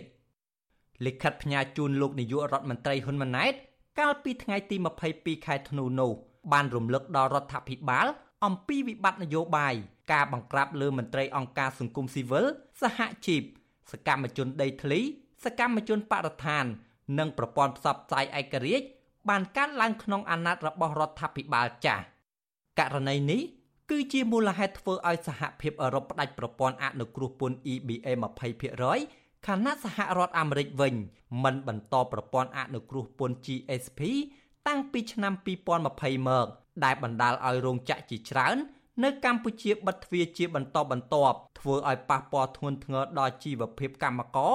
និងប្រជាពលរដ្ឋនៅទូទាំងប្រទេសទីប្រឹក្សាគណៈបកកម្លាំងជាតិលោករងឈុនប្រាប់វັດជូអាស៊ីសេរីនៅថ្ងៃទី25ខែធ្នូថាគណៈបកកម្លាំងជាតិ ស្នើរដ្ឋាភិបាលជួយអន្តរាគមន៍ដោះលែងអ្នកទោសមនសិការដោយសារពួកគេកំពុងជាប់ឃុំក្នុងពន្ធនាគារដោយគ្មានកំហុសជាពិសេសត្រូវការសេរីភាពបានទៅជួបជុំក្រុមគ្រួសារឡើងវិញទន្ទឹមនឹងនេះលោកថាការដោះស្រាយសំណុំរឿងអ្នកជាប់ឃុំទាំងនោះគឺពាក់ព័ន្ធការស្ដារប្រជាធិបតេយ្យដើម្បីទទួលបានប្រព័ន្ធអនុគ្រោះពន្ធសម្រាប់ផលប្រយោជន៍ជាតិរួម ហើយលោកយល់ថាប្រសិនបើរដ្ឋាភិបាល ពិតជាយកចិត្តទុកដាក់អំពីសុខទុក្ខរបស់ប្រជាពលរដ្ឋត្រូវពិនិត្យដោះស្រាយរឿងនេះឲ្យទាន់ពេលវេលា ដើម្បីកុំឲ្យប៉ះពាល់ដល់សេដ្ឋកិច្ចជាតិនិងមុខមាត់រដ្ឋាភិបាលលើឆាកអន្តរជាតិបន្តទៀតយើងគិតថាបរដ្ឋាភិបាលមួយដែលជារដ្ឋាភិបាលយកឲ្យចិត្តទុកដាក់ ប្រជាពលរដ្ឋរបស់ខ្លួនត្រូវតែធ្វើការដោះស្រាយហើយដូច្នេះទោះបីយើងមិនមានទាន់មានអាសនៈនៅក្នុងស្ថាប័នរដ្ឋក៏ដោយប៉ុន្តែយើងត្រូវតែបង្ហាញអំពីការយកចិត្តទុកដាក់ដល់ប្រជាពលរដ្ឋដែលកំពុងប្រឈមជាពិសេសអ្នកដែលជាប់ឃុំដែលពុំបានប្រព្រឹត្តកំហុសបច្ចុប្បន្នសកម្មជនគណៈបកប្រឆាំងសកម្មជនសង្គមនិងអ្នករិះគន់រដ្ឋាភិបាលប្រមាណ30នាក់ កំពុងជាប់ឃុំក្នុងពន្ធនាគារចំណែកប្រពន្ធមន្ត្រីគណៈបកភ្លើងទៀនដែលកំពុងជាប់ឃុំក្នុងពន្ធនាគារខេត្តពោធិ៍សាត់លោកតូចថងគឺអ្នកស្រីសវណ្ណាថ្លែងថា លោកស្រីគាំទ្រសំណើរបស់គណៈបកកម្លាំងជាតិពីព្រោះប្តីលោកស្រី និងសកម្មជនផ្សេងទៀតជាប់ពន្ធនាគារទាំងអយុត្តិធម៌អស់រយៈពេលជាច្រើនឆ្នាំមកហើយ។ ធំគាត់អញ្ចឹងខ្ញុំអត់ត្រឹមត្រូវទេព្រោះខ្ញុំនៅតែទួយចិត្តយកប្តីខ្ញុំទៅខំអត់មានមូលហេតុអីខ្ញុំសូមស្នើដាច់ឆ្នាំ2023ចូល2024ហ្នឹងសូមឲ្យសម្ដេចហ៊ុនម៉ាណែតហ្នឹងដោះលែងអ្នកទោសទាំងអស់ទាំងគ្រួសារខ្ញុំទាំងដៃទោសយោបាយទាំងអស់គ្នាណាវិទ្យុអាស៊ីសេរីមិនអាចតាក់ទងប្រធានអង្គភិបអ្នកនាំពាក្យរដ្ឋាភិបាលលោកប៉ែនបូណានិងអ្នកនាំពាក្យក្រសួងយុតិធធលោកចិនម៉ាលីន ដើម្បីឆ្លើយតបជុំវិញរឿងនេះបានទេនៅថ្ងៃទី25ខែធ្នូនេះជុំវិញរឿងនេះអ្នកនាំពាក្យសមាគមការពារសិទ្ធិមនុស្សអាត6លោកសឹងសែនករណាមានប្រសាសន៍ដោយមើលឃើញថាស្ថានភាពនយោបាយមកដល់ពេលនេះរដ្ឋាភិបាលមិនទាន់បង្ហាញឆន្ទៈក្នុងការដោះស្រាយបញ្ហាសិទ្ធិមនុស្សនិងប្រជាធិបតេយ្យតាមសំណើរបស់សហគមន៍ជាតិនិងអន្តរជាតិជាវិជ្ជមាននៅឡើយទេលោកយល់ថាសំណើរបស់គណៈបកកម្លាំងជាតិ គឺជារឿងល្អដែលរដ្ឋាភិបាលអាណត្តិថ្មីគួរយកមកពិនិត្យដោះស្រាយអ្វីដែលការដោះស្រាយបញ្ហានឹងបានវាជាគុណប្រយោជន៍មកដល់ពលរដ្ឋកម្ពុជាក៏ដូចជារដ្ឋាភិបាលកម្ពុជាផងដែរពីព្រោះនេះគឺជាបញ្ហាគន្លឹះសំខាន់ណាស់ដែលសហគមន៍អន្តរជាតិគេតែងតែទទូចចង់ឃើញអំពីការបើកនៅបរិយាកាសនយោបាយនិងការរំលោភសិទ្ធិមនុស្សអីទាំងអស់នេះគណៈបកកម្លាំងជាតិប្រាប់ទៅរដ្ឋាភិបាលដែរថា ការដោះលែងអ្នកជាប់ឃុំក្រោមហេតុផលនយោបាយទាំងនោះដើម្បីដោះស្រាយវិបត្តិនយោបាយឆ្ពោះទៅរកសាមគ្គីភាព និងឯកភាពជាតិឡើងវិញ ដោយឈលលើមូលដ្ឋានផលប្រយោជន៍ជាតិដែលជាមូលដ្ឋានក្នុងការជួយសង្គ្រោះជីវភាពកម្មករនិងប្រជាពលរដ្ឋខ្មែរព្រមទាំងទទួលបានមកវិញ នៅប្រព័ន្ធអនុគ្រោះពន្ធ EBA 20%ពីសហភាពអឺរ៉ុបនិង GSP ពីសហរដ្ឋអាមេរិកឡើងវិញ កាលពីពេលថ្មីថ្មីនេះ គណៈកម្មការអឺរ៉ុបជំរុញឲ្យរដ្ឋាភិបាលរបស់លោកហ៊ុនម៉ាណែតបង្ហាញឲ្យឃើញការពិត និងគួរឲ្យជឿជាក់ក្នុងការស្ដារប្រជាធិបតេយ្យការគោរពសិទ្ធិមនុស្សជាពិសេសពាក់ព័ន្ធនឹងក្តីកង្វល់ជុំវិញសិទ្ធិពលរដ្ឋនិងសិទ្ធិនយោបាយរួមទាំងបញ្ហាដីធ្លី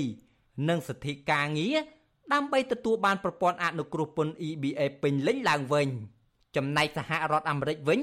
ក៏ជំរុញឲ្យបើកលំហសេរីភាពពលរដ្ឋ និងដោះលែងអ្នកទោសមនសិការដែរដោយអាមេរិកបញ្ជាក់ជំហរនៅមុខលោកនាយករដ្ឋមន្ត្រីហ៊ុនម៉ាណែតថាសារៈសំខាន់នៃសិទ្ធិមនុស្សនិងការការពារសិទ្ធិជាមូលដ្ឋាន គឺចាំបាច់ត្រូវតែមានក្នុងទំនាក់ទំនងរវាងកម្ពុជានិងសហរដ្ឋអាមេរិកខ្ញុំបាទច័ន្ទដារោវុទ្ធុអាស៊ីសេរី លោកអ្នកនាងកញ្ញាប្រិយមិត្តអ្នកស្ដាប់ជាទីមេត្រីសកម្មភាពទន្ទ្រានកាប់ដីព្រៃអភិរក្សនិងព្រៃសាធារណៈរបស់រដ្ឋដោយខុសច្បាប់អស់ជាច្រើនពាន់ហិកតានៅក្នុងខេត្តមណ្ឌលគិរីនិងខេត្តផ្សេងទៀតបានក្លាយទៅជាបញ្ហារ៉ាំរ៉ៃមិនទាន់ដោះស្រាយបាននៅឡើយទេក្រមយុវជននិងសហគមន៍ជាដើមភាគតិចសង្ឃឹមថានៅឆ្នាំ2024ខាងមុខនេះរដ្ឋាភិបាលអាណត្តិថ្មីនឹងដោះស្រាយវិបត្តិទាំងនេះឲ្យបានជ្រះស្រឡះ។ ចាលោកនាងនៅបានស្ដាប់សេចក្តីរាយការណ៍ពិស្ដារអំពីរឿងនេះនៅក្នុងការផ្សាយរបស់យើងនៅពេលបន្តិចទៀតនេះ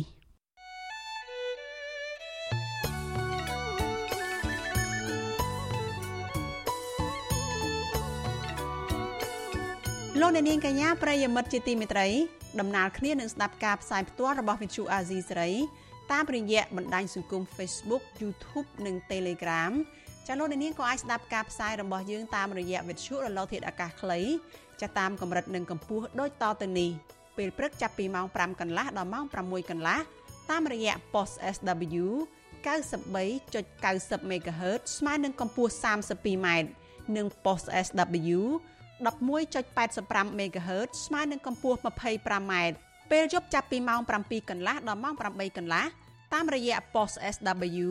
93.30 MHz ស្មើនឹងកម្ពស់ 32m post SW 11.88 MHz ស្មើនឹងកម្ពស់ 25m និង post SW 15.15 MHz ស្មើនឹងកម្ពស់ 20m ចាសសូមអរគុណ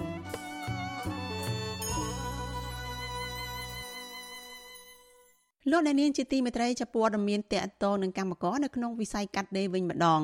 បុគ្គលិកកម្មកររោងចក្រ Apple Apparel ប្តឹងថៅកែរោងចក្រមួយនេះដែលមិនគោរពកិច្ចសន្យាដោយឲ្យពួកគាត់ឈប់សម្រាកថានឹងផ្ដល់ប្រាក់ឈ្នួលនិងប្រាក់ថ្លៃបាយថ្ងៃត្រង់មន្ត្រីសហជីពថាថៅកែមិនគោរពតាមសេចក្តីជូនដំណឹងរបស់ខ្លួននិងបានរំលោភច្បាប់ការងារចាសសូមស្ដាប់សេចក្តីរាយការណ៍របស់លោកនៅវណ្ណរិនអំពីរឿងនេះបុគ្គលិកនិងកម្មកររោងចក្រ Apple Apparel ដែលស្ថិតនៅក្នុងភូមិចម្ពូវ័នសង្កាត់ចោមចៅទី3ខណ្ឌពោធិ៍សែនជ័យរាជធានីភ្នំពេញ កាលពីថ្ងៃទី22ខែធ្នូបានដាក់ពាក្យបណ្ដឹងទៅប្រធាននាយកដ្ឋានវិវាទការងារនៃក្រសួងការងារដើម្បីប្តឹងថៅកែមួយនេះដែលមិនគោរពតាមសេចក្តីជូនដំណឹងរបស់ខ្លួនបុគ្គលិករោងចក្រ Apple Apparel លោកអឿនសារ៉េតប្រាប់វិទ្យុអាស៊ីសេរីតាមបណ្ដាញសង្គម Telegram នៅថ្ងៃទី25ខែធ្នូថាលោកបានស្នើឲ្យក្រសួងការងារជួយដោះស្រាយបញ្ហានេះឲ្យបានឆាប់ឆាប់ការលើកឡើងនេះ ធ្វើឡើងបន្ទាប់ពីរោងចក្រ Apple Apparel បានចេញសេចក្តីជូនដំណឹងអនុញ្ញាតឲ្យបុគ្គលិកឈប់សម្រាក2ថ្ងៃបន្ថែមទៀតនៅក្នុងពិធីបុណ្យអុំទូកសរុបរយៈពេល5ថ្ងៃ ចាប់តាំងពីថ្ងៃទី25ដល់ថ្ងៃទី29ខែវិច្ឆិកាដោយសន្យាផ្ដល់ប្រាក់ឈ្នួលសម្រាប់ថ្ងៃឈប់សម្រាកនៅថ្ងៃទី25និងរក្សាអត្ថប្រយោជន៍ផ្សេងផ្សេងសម្រាប់ថ្ងៃឈប់សម្រាកនៅថ្ងៃទី29តែផ្ទុយទៅវិញ រោងចក្រមួយនេះបានកាត់លុយថ្លៃបាយថ្ងៃត្រង់និងប្រាក់ឈ្នួលចំនួន2ថ្ងៃគឺនៅថ្ងៃទី25និង29ទៅវិញវិទ្យុអាស៊ីសេរីពុំអាចតាក់ទងភាគីរោងចក្រ Apple Apparel ដើម្បីសុំការឆ្លើយតបជុំវិញបញ្ហានេះបាននៅឡើយទេ នៅថ្ងៃទី25ខែធ្នូចំណែកឯអ្នកនាំពាក្យក្រសួងកាងារលោកកតាអនក៏នៅមិនអាចតាក់ទងបានដែរ បើទោះជាថ្លៃបាយថ្ងៃត្រង់ប្រមាណ2000រៀលនិងប្រាក់ឈ្នួលប្រមាណជិត30000រៀលនេះជាចំនួនតិចតួចក្តីក៏ប៉ុន្តែសម្រាប់កម្មករនៅតាមរោងចក្រគឺជាចំនួនច្រើនបើប្រៀបធៀបទៅនឹងការដំឡើងប្រាក់ខែគោលនៅឆ្នាំ2024បានត្រឹមតែ4ដុល្លារតែប៉ុណ្ណោះការដំឡើងនោះក៏មិនបានតាមអ្វីដែលកម្មករចង់បានក្នុងតួលេខ213ដុល្លារក្នុងមួយខែនោះដែរក៏ប៉ុន្តែបែរជាបានតាមការចង់បានរបស់ភាគីថៅកែ ក្នុងតួលេខ202ដុល្លារក្នុងមួយខែហើយរដ្ឋាភិបាល មានបំណងកេងចំណេញនយោបាយពីកម្មករបន្ថែមទៀតដោយថែម2ដុល្លារទៀតសម្រាប់ប្រាក់ខែគោលនៅក្នុងឆ្នាំ2024ជុំវិញបញ្ហានេះប្រធានសហព័ន្ធសហជីពឯករាជ្យលោករីសិទ្ធិណែត មានប្រសាសន៍ថាទង្វើរបស់ថៅកែរោងចក្របែបនេះគឺជាការរំលោភលើច្បាប់ស្តីពីការងារលោកបន្ថែមថាក្នុងករណីរោងចក្រគ្មានការងារធ្វើ រោងចក្រគួរស្នើដល់ក្រមអធិការកិច្ចការងារនៃក្រសួងការងារចុះមកពិនិត្យឲ្យបានឃើញថារោងចក្រពិតជាគ្មានការងារធ្វើនិងស្នើសុំព្យួរកិច្ចសន្យាការងាររបស់កម្មករទី1គឺ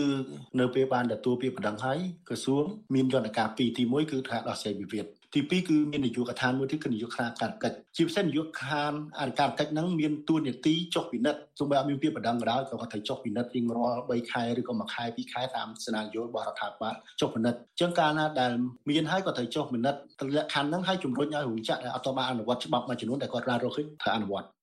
រោងចក្រ Apple Apparel ជារោងចក្រកាត់ដេរសម្លៀកបំពាក់និងមានបុគ្គលិកសរុបជិត600នាក់កំពុងបំពេញការងារ ហើយមានទីតាំងស្ថិតនៅភូមិចម្ពូវ័នសង្កាត់ចោមចៅទី3ខណ្ឌពោធិ៍សែនជ័យរាជធានីភ្នំពេញ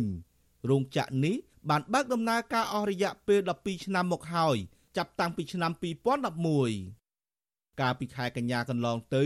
អង្គការសង្គមស៊ីវិលរួមគ្នា5ស្ថាប័នបានចេញសេចក្តីរាយការណ៍រួមមួយ ដាក់ចំណងជើងថាសម្ពាធក្រោមធ្នេសាច់ក្រណាត់បិទបាំងការបាត់បង់ប្រាក់ឈ្នួល នៅក្នុងវិស័យវាយនភ័ណ្ឌកាត់ដេរកម្ពុជា ការសិក្សាស្រាវជ្រាវ ដែលបានសម្ភាសកម្មករជាង300នាក់មកពីរោងចក្រជាង10ផ្សេងផ្សេងគ្នា បានរកឃើញថាកម្មករ54%មិនមានលទ្ធភាពសងប្រាក់បំណុលធនាគារឬគ្រឹះស្ថានហិរញ្ញវត្ថុឲ្យបានទៀងទាត់នោះឡើយគណៈរោងចក្រមួយចំនួន នៅតែបន្តបិទទ្វារដំណើរការអាជីវកម្មដោយមិនបានទូទាត់ប្រាក់បំណាច់ផ្សេងផ្សេងឲ្យទៅកម្មករនោះទេមន្ត្រីសហជីព ជំរុញឲ្យរដ្ឋាភិបាលអនុវត្តច្បាប់ស្តីពីការងារឲ្យបានម៉ឺងម៉ាត់ដើម្បីឲ្យថកែរោងចក្រគោរពសិទ្ធិកម្មករនៅកន្លែងធ្វើការខ្ញុំបាទនៅវណ្ណរិន With Chu Azizi Saray ពីរដ្ឋធានី Washington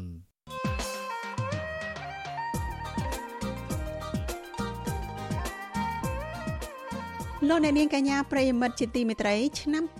2024នឹងចូលមកដល់នៅក្នុងពេលឆាប់ឆាប់នេះហើយជាទូទៅ នៅក្នុងឱកាសចូលឆ្នាំថ្មី យើងតែងតែជូនពរគ្នាឲ្យរកស៊ីមានបានសម្បូរសបាយជាពិសេសមានសុខភាពល្អក៏ប៉ុន្តែតើយើងគួរធ្វើបែបណាដើម្បីឲ្យមានសុខភាពល្អទាំងផ្លូវកាយនិងផ្លូវចិត្តចានីតិវេទិកាអ្នកស្ដាប់វិទ្យុអាស៊ីសេរីនៅយប់ថ្ងៃអង្គារនេះដែលជាយប់ថ្ងៃអង្គារចុងក្រោយនៅក្នុងឆ្នាំ2023នឹងមានកិច្ចពិភាក្សាជាមួយនឹងឱសថការីលឹមសួរ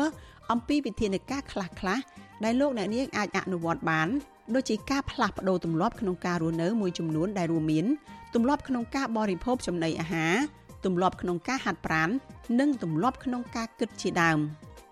សូមលោកអ្នកនាងរងចាំទស្សនានេតិវេទិកានៃស្ដាប់វិទ្យុអាស៊ីសេរីដែលនឹងជជែកអំពីបញ្ហានេះនៅយប់ថ្ងៃអង្គារនេះកុំបីខានចាលោកអ្នកនាងអាចបញ្ចេញមតិយោបល់និងសួរវាគ្មិនរបស់យើងចាដោយលោកអ្នកនាងដាក់លេខទូរស័ព្ទរបស់លោកអ្នកនាងនៅក្នុងប្រអប់ comment នៃការផ្សាយរបស់វិទ្យុអាស៊ីសេរីនៅលើបណ្ដាញសង្គម Facebook YouTube និង Telegram ចាស់ក្រុមការងាររបស់យើងនឹងតាក់ទងទៅលោកអ្នកនាងវិញ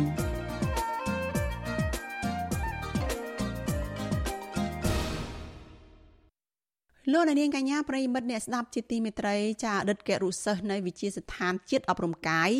និងកីឡាលោកកៅសវណ្ណរិទ្ធថាលោកនឹងដាក់ញត្តិទៅកាន់រដ្ឋសភាប្រសិនបើក្រសួងអប់រំនៅតែកិច្ចវេះក្នុងការឆ្លើយតបចំពោះការបណ្តេញរូបលោកចេញពីក្របខ័ណ្ឌគ្រូបង្រៀនមន្ត្រីសង្គមស៊ីវិលថាក្រសួងអប់រំគួរតែចេញមុខដោះស្រាយដើម្បីបង្ហាញថាស្ថាប័ននេះមានដំណាភាពនិងមានការទទួលខុសត្រូវចាលោកមានរិទ្ធមានសេចក្តីរាយការណ៍មួយទៀតអំពីរឿងនេះអអតីតគ្រូសាស្ត្រនៃវិទ្យាស្ថានជាតិអប់រំកាយនិងកីឡាលោកកៅសវណ្ណរិទ្ធ នៅថ្ងៃទី25ខែធ្នូឈរស្រែកតវ៉ានៅពីមុខក្រសួងអប់រំយុវជននិងកីឡាដើម្បីឲ្យរដ្ឋមន្ត្រីក្រសួងអប់រំលោកហងជួននរ៉ុនឆ្លើយតបចំពោះការលុបឈ្មោះលោកនិងគ្រូសិស្ស11នាក់ទៀតចេញពីក្របខ័ណ្ឌគ្រូបង្រៀនដោយអយុត្តិធម៌លោកកៅសវណ្ណរិទ្ធលើកបដាបង្ហាញពលរដ្ឋដែលធ្វើចរាចរណ៍តាមដងផ្លូវដោយសរសេរថាក្រសួងអប់រំបោកប្រាស់យុវជនអស់រយៈពេល1ខែហើយមិនព្រមចេញមកបកស្រាយ លោកលើកឡើងថាគិតត្រឹមថ្ងៃទី25ខែធ្នូគឺជាសប្តាហ៍ទី16នៃយុទ្ធនាការទៀមទារោគយុទ្ធធរក៏ប៉ុន្តែក្រសួងអប់រំនៅតែគេចវេះមិនព្រមបកស្រាយ បើសិនជាអត់មានលទ្ធភាពដោះស្រាយទេសូមឲ្យអាដាមអាចប្រកាសជាសារនៅតាមប្រព័ន្ធ social media គាត់ថាខ្ញុំអត់មានលទ្ធភាពធ្វើការដោះស្រាយនៅបញ្ហាយុវជនឈ្មោះកែវសវណ្ណរិទ្ធនឹងទេអញ្ចឹងខ្ញុំនឹងទទួលស្គាល់ថាអាដាមគាត់រវល់ការងារគាត់អត់មានឆន្ទៈដោះស្រាយទេ លោកកៅសវណ្ណរិទ្ធបន្តថាលោកគ្រងដាក់ញត្តិការរដ្ឋសភាខាងមុខចំពោះអំពើអយុត្តិធម៌នេះរួមទាំងករណីអាញាធរខណ្ឌដូនពេញប្រើអំពើហិង្សាលើរូបលោកនិងអ្នកថតរូបលោកចំនួន2ដងនាពេលកន្លងទៅលោកថាបន្ទាប់ពីលោកបាត់បង់ក្របខ័ណ្ឌគ្រូបង្រៀនលោកក៏ត្រូវបានស្ថាប័ននិងក្រុមហ៊ុនឯកជនរើសអើងមិនអោយលោកចូលធ្វើការដោយចោទប្រកាន់ថាលោកធ្វើសកម្មភាពនយោបាយទៅវិញ ឈមនឹងអាជីវភាពព្រោះឯសារខ្ញុំអត់មានការងារធ្វើអញ្ចឹងព្រោះការងារឯកជនខ្ញុំទៅដាក់ការងារណាក៏ដោយឲ្យការងារពាក់ព័ន្ធជាមួយការងារអូហ្វីសគឺគេមិនទទួលទេព្រោះគេថាយើងនឹងធ្វើការតវ៉ានៅមុខក្រសួងអប់រំហ្នឹងពាក់ព័ន្ធជាមួយរឿងនយោបាយវិសុវអាស៊ីស្រីមិនអាចតាក់ទងរដ្ឋមន្ត្រីក្រសួងអប់រំលោកហងជួននរ៉ុននិងអ្នកនាំពាក្យក្រសួងអប់រំលោកកាន់ពុទ្ធិដើម្បីសូមអធិប្បាយជុំវិញបញ្ហានេះបាននៅឡើយទេនៅថ្ងៃទី25ខែធ្នូ ប្រធានសមាគមគ្រូបង្រៀនកម្ពុជាឯករាជ្យអ្នកស្រីអុកឆាយាវី មានប្រសាសន៍ថាលោកកៅសវណ្ណរិទ្ធនិងគ្រូសិស្ស11នាក់ទៀតបានប្រឡងជាប់ក្របខ័ណ្ឌរួចទៅហើយដូច្នេះក្រសួងអប់រំដែលតែងតែអះអាងថាជាស្ថាប័នដែលមានទំនួលខុសត្រូវនិងមានដំណាភាពគួរឆ្លើយតបចំពោះរឿងនេះអ្នកស្រីអុកឆាយាវីបន្ថែមថាប្រសិនបើក្រសួងអប់រំបន្តកិច្ចវេះ បញ្ហានេះនឹងធ្វើឲ្យបាក់ទឹកចិត្តដល់សិស្សផ្សេងទៀតដែលមានបំណងចង់ក្លាយជាគ្រូបង្រៀនបើសិនជាមិនផ្ដល់យុត្តិធម៌ទេធ្វើឲ្យយុវជនបាក់ទឹកចិត្តចាព្រោះអីគាត់ឃើញថាយុវជនម្នាក់ដែលក្រាញនានាចង់រៀនសូត្រត្រូវអត់បានរៀនសូត្រត្រូវបានគេវាយគេតំអីអញ្ចឹងទៅហើយចោះតើពួកគាត់សង្ឃឹមអី ក្រោយបញ្ចប់ថ្នាក់ទី12ក្នុងឆ្នាំ2020លោកកៅសវណ្ណរិទ្ធបានដាក់ពាក្យប្រឡងចូលរៀននៅវិទ្យាស្ថានជាតិអប់រំកាយនិងកីឡាគណៈលក្ខខណ្ឌរបស់ក្រសួងកានូតម្រូវឲ្យគ្រូសិស្សត្រូវមានកម្ពស់យ៉ាងតិច1.65សង់ទីម៉ែត្រ បើទោះបីជាវិទ្យាស្ថានជាតិអប់រំកាយបានវាស់កម្ពស់ឃើញថាលោកកែវសវណ្ណរិទ្ធមានកម្ពស់ត្រឹមតែ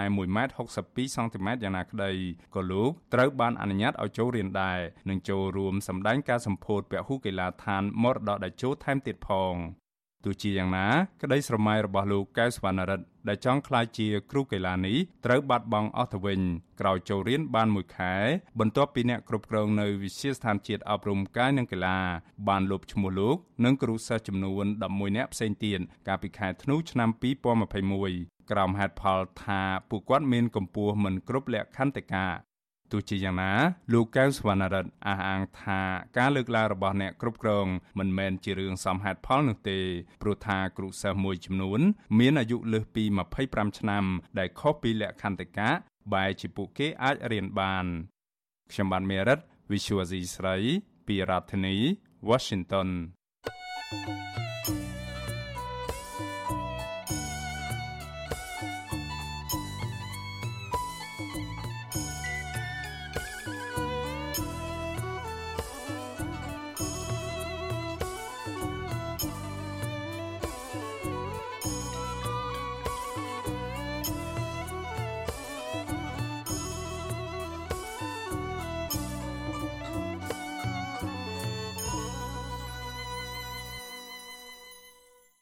លោកអ្នកនាងជាទីមេត្រីលោកអ្នកកំពុងស្ដាប់វិទ្យុអាស៊ីសេរីផ្សាយចេញពីរដ្ឋធានី Washington សហរដ្ឋអាមេរិកសកម្មភាពកាប់ទន្ទ្រានដីព្រៃអភិរក្សនិងព្រៃសាធារណៈរបស់រដ្ឋខុសច្បាប់អស់ជាច្រើនគឺរាប់ពាន់ហិកតានៅក្នុងខេត្តមណ្ឌលគិរីនិងខេត្តផ្សេងទៀតបានក្លាយជាបញ្ហារ៉ាំរ៉ៃនៅមិនទាន់អាចដោះស្រាយបាននៅឡើយទេក្រមយុវជននិងសហគមន៍ជនជាតិដើមភាគតិចសង្ឃឹមថាឆ្នាំថ្មី2024នេះរដ្ឋាភិបាលអាណត្តិថ្មី នឹងដោះស្រាយវិបត្តិសង្គមទាំងនេះឲ្យជ្រះស្រឡះលោកសីបណ្ឌិតរីកាព័ត៌មាននេះក្រមយុវជន និងសហគមន៍ជនជាតិដើមភាគតិចអះអាងថាប្រសិនបើរដ្ឋាភិបាលបច្ចុប្បន្ននៅតែមិនអើពើដោះស្រាយបញ្ហានេះឲ្យទាន់ពេលវេលានោះទេ ភ្នំអរិយនិងភ្នំព្រៃស្រោងដែលបន្សល់ទុកចុងក្រោយនេះនឹងបន្តបាត់បង់កាន់តែធ្ងន់ធ្ងរយុវតីរស់នៅរាជធានីភ្នំពេញកញ្ញាសៀមស្រីពេជ្ររតនា ប្រាប់បទសុអសីស្រីថាប្រសិនបើរដ្ឋាភិបាល មានឆន្ទៈដោះស្រាយបញ្ហានេះគឺមិនពិបាកទេ ដោយត្រូវបំបត្តិអំពើពុករលួយ និងអនុវត្តច្បាប់ឲ្យមានតម្លាភាពកញ្ញាបន្ថែមថារដ្ឋាភិបាលត្រូវលើកទឹកចិត្តឲ្យក្រមយុវជន និងប្រជាពលរដ្ឋចូលរួមផ្ដល់ព័ត៌មានពីបទល្មើសធនធានធម្មជាតិឲ្យបានទូលំទូលាយទើបការដោះស្រាយបញ្ហានេះមានប្រសិទ្ធភាព។ ការទន្ទ្រានដីព្រៃខុសច្បាប់ហើយមានការកាត់ឲ្យអុកញ៉ាមួយចំនួនតាំងពី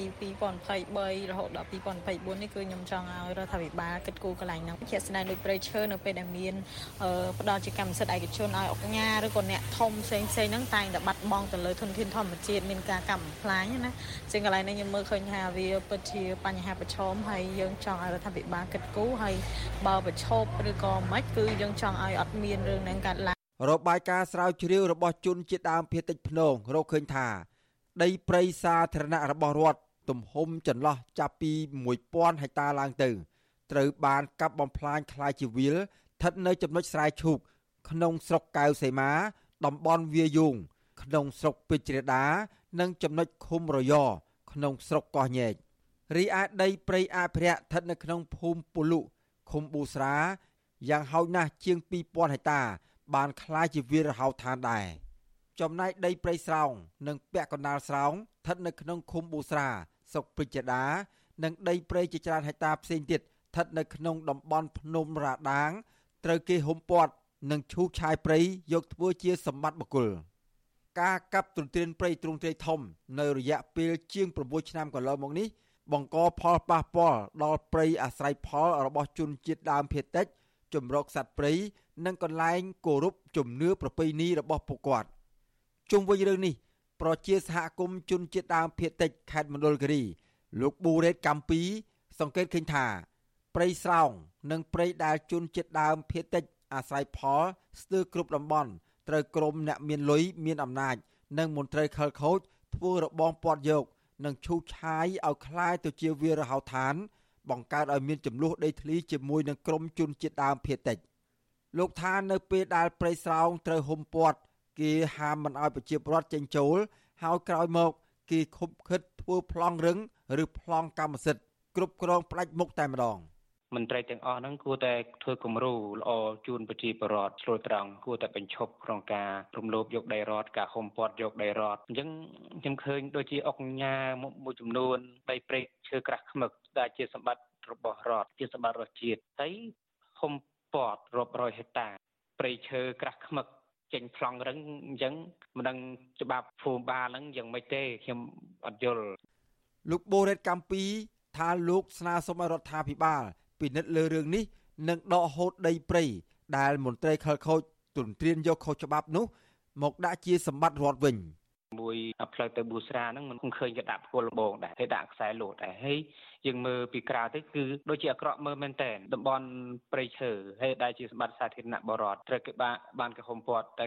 កន្លងមកទៅអ្នកធំធ្វើបានតាមអំពើចិត្តអញ្ចឹងឆ្នោតសូមឲ្យរដ្ឋាភិបាលថ្មីគួរតែអនុវត្តច្បាប់ឲ្យបានតឹងរឹងកុំឲ្យពួកអុកញ៉ាឬក៏មហាសេដ្ឋីទាំងអស់ហ្នឹងម្នាក់ម្នាក់រំលោភយកដីរដ្ឋរាប់រយរាប់ពាន់ហិកតាក្នុងម្នាក់ម្នាក់វិទ្យុអសីសេរីនៅពុំទាន់អាចតាក់ទងសុំការបំភ្លឺអំពីរឿងនេះ ពីអ្នកនាំពាក្យសាលាខេត្តមណ្ឌលគិរីលោកនាងវណ្ណៈបាននៅឡើយទេនៅថ្ងៃទី15ខែធ្នូដោយទូរស័ព្ទហៅចូលតែពុំមានអ្នកទទួលរីឯអភិបាលខេត្តមណ្ឌលគិរីលោកថងសាវុនក៏មិនទាន់អាចសុំការបំភ្លឺបានដែរនៅថ្ងៃដដែលនេះ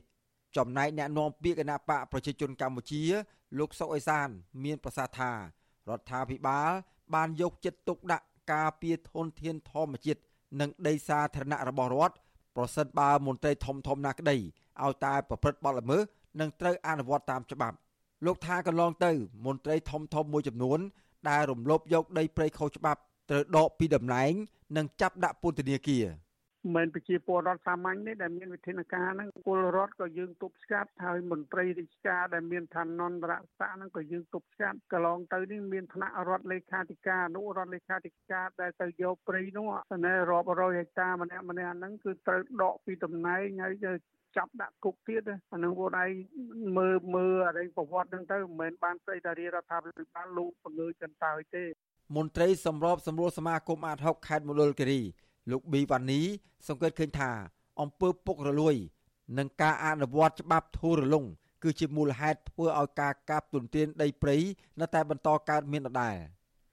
លោកថាជនជាតិដើមភាគតិចមានទម្លាប់រស់នៅតំបន់ព្រៃភ្នំ ដែលពួកគាត់ចាត់ទុកថាព្រៃឈើជាអាយុជីវិត ប្រភពសេដ្ឋកិច្ចនិងចម្រុងវប្បធម៌ប្រពៃណីរបស់អ្នកភូមិ អ្នកមានលុយគាត់ដើររកស៊ីតាមរបៀបហ្នឹងគឺមានន័យថាមុននឹងគាត់ធ្វើអញ្ចឹងបានគឺមានវិមានការពាក់ព័ន្ធជាមួយនឹងមន្ត្រីអាជ្ញាធរថ្នាក់ខេត្តក៏ដូចជាមានមន្ត្រីថ្នាក់ជាតិមួយចំនួនទៅអាការងារដែលទៅរំលោភដីរបស់រដ្ឋឬក៏តំបន់ការពារនឹងបានក្នុងឆ្នាំ2024ខ្ញុំសង្ឃឹមថារដ្ឋាភិបាលថ្មីទី1គឺលោកនឹងអនុវត្តច្បាប់ឲ្យបានតឹងរឹងទី2ជាពិសេសគឺអង្គភាពប្រឆាំងពុករលួយស្នើសុំឲ្យលោកធ្វើការចុះអង្កេតទៅតាមខេត្តមួយមួយ ក្រមយុវជនបន្ថែមថា សកម្មភាពទុនទានកាន់កាប់ដីព្រៃអភិរក្សនិងព្រៃសាធារណៈរបស់រដ្ឋមិនត្រឹមតែកើតមាននៅតែខេត្តមណ្ឌលគិរីនោះទេ គឺតែងតែកើតមានឡើងនៅបណ្ដាខេត្តផ្សេងផ្សេងទៀតដូចជាខេត្តស្ទឹងត្រែងខេត្តក្រចេះព្រះវិហារកំពង់ធំ កំពង់ស្ពឺ និងខេត្តកោះកុងជាដើម ដែលបានកើតឡើងបែបអាណាធិបតេយ្យខ្ញុំបាទសេកបណ្ឌិតវិទ្យុអាស៊ីសេរីពីរដ្ឋធានីវ៉ាស៊ីនតោន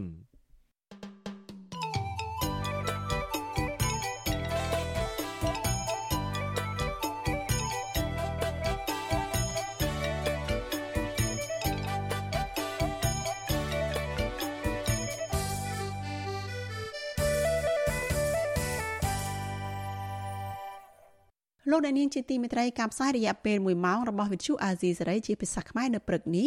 ចាប់ត្រឹមតែប៉ុណ្ណេះនាងខ្ញុំសុជីវីព្រមទាំងក្រុមការងារទាំងអស់នៃវិទ្យុអាស៊ីសេរីចាសសូមជូនពរដល់លោកអ្នកនាងកញ្ញានិងក្រុមគ្រួសារទាំងអស់សូមប្រកបតែនឹងសេចក្តីសុខសុភមង្គលនិងសុខភាពល្អកុំបីឃ្លៀងឃ្លាតឡើយ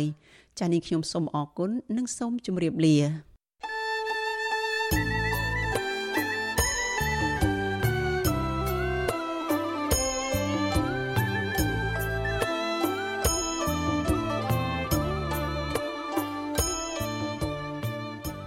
វិទ្យុអេស៊ីសេរីផ្សាយតាមរលក ធារកាសខ្លីតាមកម្រិត និងកម្ពស់ដូចតទៅនេះ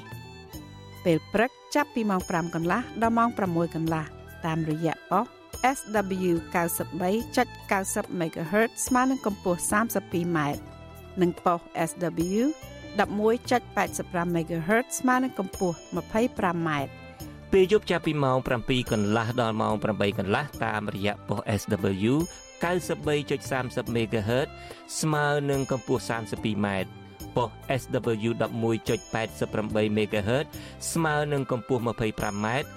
និងប៉ុស SW 15.15 MHz ស្មើនឹងកម្ពស់ 20m